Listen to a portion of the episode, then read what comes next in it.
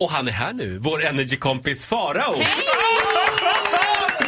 Det där gillade jag. Han är här nu. Det var lite så här sensuellt där. Han är här nu. Du är Han- väldigt glad att se mig idag Ja det, ja, det är jag faktiskt. Ja, det ser jag på dig. Ja, det är så skönt när det kommer in någon annan människa här ibland. Ja. Eh, ja, faktiskt. Du har varit i London. Nej men jag har inte varit, jag har ju bott i London. Ja. Det här är en gammal klassiker. Åh. Och det här är en sån här historia som jag bara, hur kunde jag ha glömt den? Jag och Carl-Johan, när vi flyttade till London, flyttade till- London med min all time ultimate best friend Carl-Johan. Eh, och då bodde vi först lite mer i London city center kan man säga, runt Waterloo. Temporärt. För alla som har bott i London, det är väldigt, väldigt, väldigt, väldigt vanligt att svenska ungdomar flyttar till London, bor i London ett år och jobbar. Du vet. Och då bor man så här 40 pers i en trea typ. Ja. ungefär London standard. Och så var det för mig och Carl-Johan också. Så efter vi har bott, vi bodde ensamma centralt, liksom inneboende, eh, till, liksom, kort, kort, kort tillfället. Sen flyttade vi ut i the suburbans. Och då pratar vi liksom förorternas förort, the ghetto. Vilken var det? The ghetto. Jag har ju också New bott. Cross, Ah. West South, I think it is. För, för att beskriva känslan så när vi flyttar in så krypkör polisen bakom oss och frågar så här: What are you doing here? We're moving in.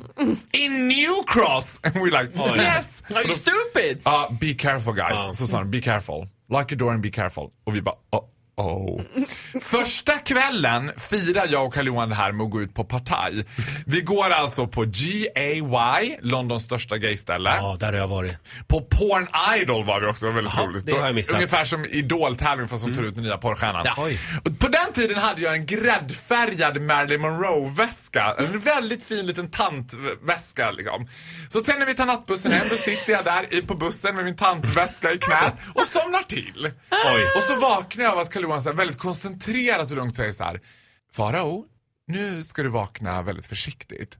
Och jag liksom, och jag är, du vet, du vet man känner att det är orosmoment i luften så man bara, så här vaknar man. Tittar, lugnt. Ungefär, jag skulle säga en decimeter från mitt ansikte sitter en kille och bara blänger rakt på mig med bandana så här. Och jag vet inte vad jag ska säga, ska man bara Hello! Vet jag. Alltså, nej men det vet man är så rädd som man slappnar av i mellangården. Alltså det vet man bara, åh. Ja man bara, Ja, tack. nu, det var Ja. så här, nu dör jag. Det var precis den känslan, så här kommer jag dö. Och han sitter och bara blänger på mig. Och det blir, alltså det är ju non-win situation för det blir konstigt att inte säga något. Och det blir konstigt att säga Hello. Good afternoon. Good afternoon, sir. Would you like some after dinner Så, mensa? vad vill han? Ja. Vet du vad, det blir jag snart väldigt varse om. För en station innan mig och Carl-Johan, då kliver han av, för då kliver andra personer av. När bussen börjar rulla, då hör man någon skrika Call 911! He stabbed him! Du vet. Och jag, vår, mitt och Carl-Johans hjärta bara fryser till, så tänkte jag, gud. det är rökt. Vi kan inte bo här. Så, vi, kan inte, ha- vi kan inte varje gång vi ska åka hem från klubben tro att vi ska bli ihjälhuggna. Liksom. Ja, så vi och åker hem, krismöte jag och Karin. Vad gör vi? Hur Mm. fasen ska vi lösa det? Vi vill ju kunna gå på klubb, vi vill ju kunna ha kul, vi vill ju kunna Fick gå du med dig Marilyn Monroe-väskan hem? Marilyn Monroe-väskan hade jag i ett stadigt grepp. Ja, det det var är en bra. hårsmån från att hon rök alltså kan jag säga. Och jag bara, men alltså Karin, hur ska vi lösa det här? Vi kommer på den briljanta idén. Ja. Det här var den absolut bästa idén jag någonsin hade kommit på. Ja. Tänkte jag då. Okej. Kan vi hålla lite på spänningen? Det kan vi. Ja. Fortsättningen på Faraos London-äventyr alldeles strax. Hey. God morgon, det här är Vakna med Energy. Farao är här hos oss den här morgonen. Hej, hej, hej! Ja, Farao har alltså bott i London med sin eh, bästis Karl Johan. Ni bodde där och hamnade i ett getto. Eh, det var en väldigt otäck bussresa berättade de här var en alldeles nyss. från att bli rånade, men stationen innan oss så blev en person rånad och knivskuren! Och sen var det krismöte hemma i köket och eh, vad kom ni fram till? Hur löser vi detta? Vi vill ju fortsätta kunna gå ut och festa, vi vill ju kunna gå på klubb. Ja, vilka är de sista som kommer att bli knivskurna tänkte vi av rånmördare? Ja. Ja, ingen ger väl sig på en muslimsk kvinna. Ja, men Mycket riktigt. nån. Jag och Carl-Johan traskar iväg till Camden Market, köper varsin burka. Säljs de där?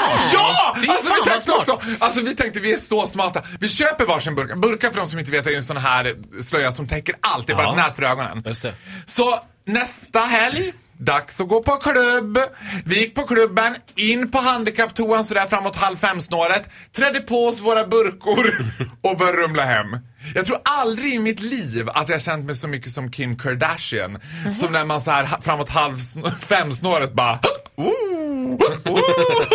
Det är väldigt ovanligt Ja, faktiskt. Man kan säga till och med. Väldigt sällsynt med berusade muslimska kvinnor. Det ser man inte. Inte heller i London för alla stoppade oss och alla bara, var, de tyckte det var så mystiskt. Och vi gick tyst och bara Komma kam kani dore mimiram, man du tätaram. Min man är tandläkare. Men jag tror att de anade Jag är inte oron. säker på att vi ska skratta åt det här. Ja, Hörni. men de anade oron när det stack ut ett par röda Converse-skor under den där burkan. Och att burkan såg senast på GAY var ju också lite såhär. Ja, det var konstigt. Mm, det var mystiskt. Ja, men jag vet inte vad man skulle klä ut sig till istället. Hur länge, För bodde, säker liksom. Ja, hur länge bodde ni kvar där? I i gettot? New Cross. Ja. Ett halvår. Men sen... Det var en rad olika incidenter. Sen flyttade ni in till stan igen? Sen flyttade vi till ett ännu värre getto. Jaha, okej. Ja, men nu har du det bra. Nu bor du ju i Bromma. Nu bor jag i Bromma bland alla vla, kan jag säga, drönare. Parentes! Vad är det första som händer? Jag flyger med Brussels Airlines från Bromma. Det första som händer när jag kommer till Bromma är bara Ja, nu är det så här att vi har tekniska problem. Det är en så kallad drönare som har tagit sig in över landningsbanan och vi har ringt polisen och det här beräknas ta två timmar. Två timmar försenad var jag från Bromma. Ja, typiskt. Nej, men det, är det, det är en tidsfråga innan de här kommer att orsaka en katastrof. Alla oknullade småbarnspappor, sluta lek med era drönare. Ja, skaffa Skaffa er en hobby, en annan hobby. Faro har som sagt förklarat krig mot drönarna här tidigare. Ja. Eh, Faro, det var trevligt att ha dig här. Ja. Eh, Som alltid. Har du burkan kvar? Ja! Kan du ta på dig den nästa gång du kommer? Jo, det kan jag faktiskt ha nu. Den här tunnelbanestationen kan också vara farlig. Det Ja. händer grejer här också. Ja, men det kan jag tänka Så är mig. det. Tack för den här morgonen. En applåd för Farao. Tack Farao! Hej då!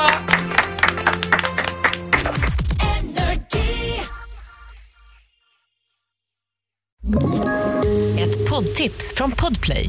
I fallen jag aldrig glömmer djupdyker Hasse Aro i arbetet bakom några av Sveriges mest uppseendeväckande brottsutredningar. Går vi in med hemlig telefonavlyssning och, och då upplever vi att vi får en total förändring av hans beteende. Vad är det som händer nu? Vem är det som läcker? Och så säger han att jag är kriminell, jag har varit kriminell i hela mitt liv men att mörda ett barn, där går min gräns. Nya säsongen av Fallen jag aldrig glömmer på Podplay.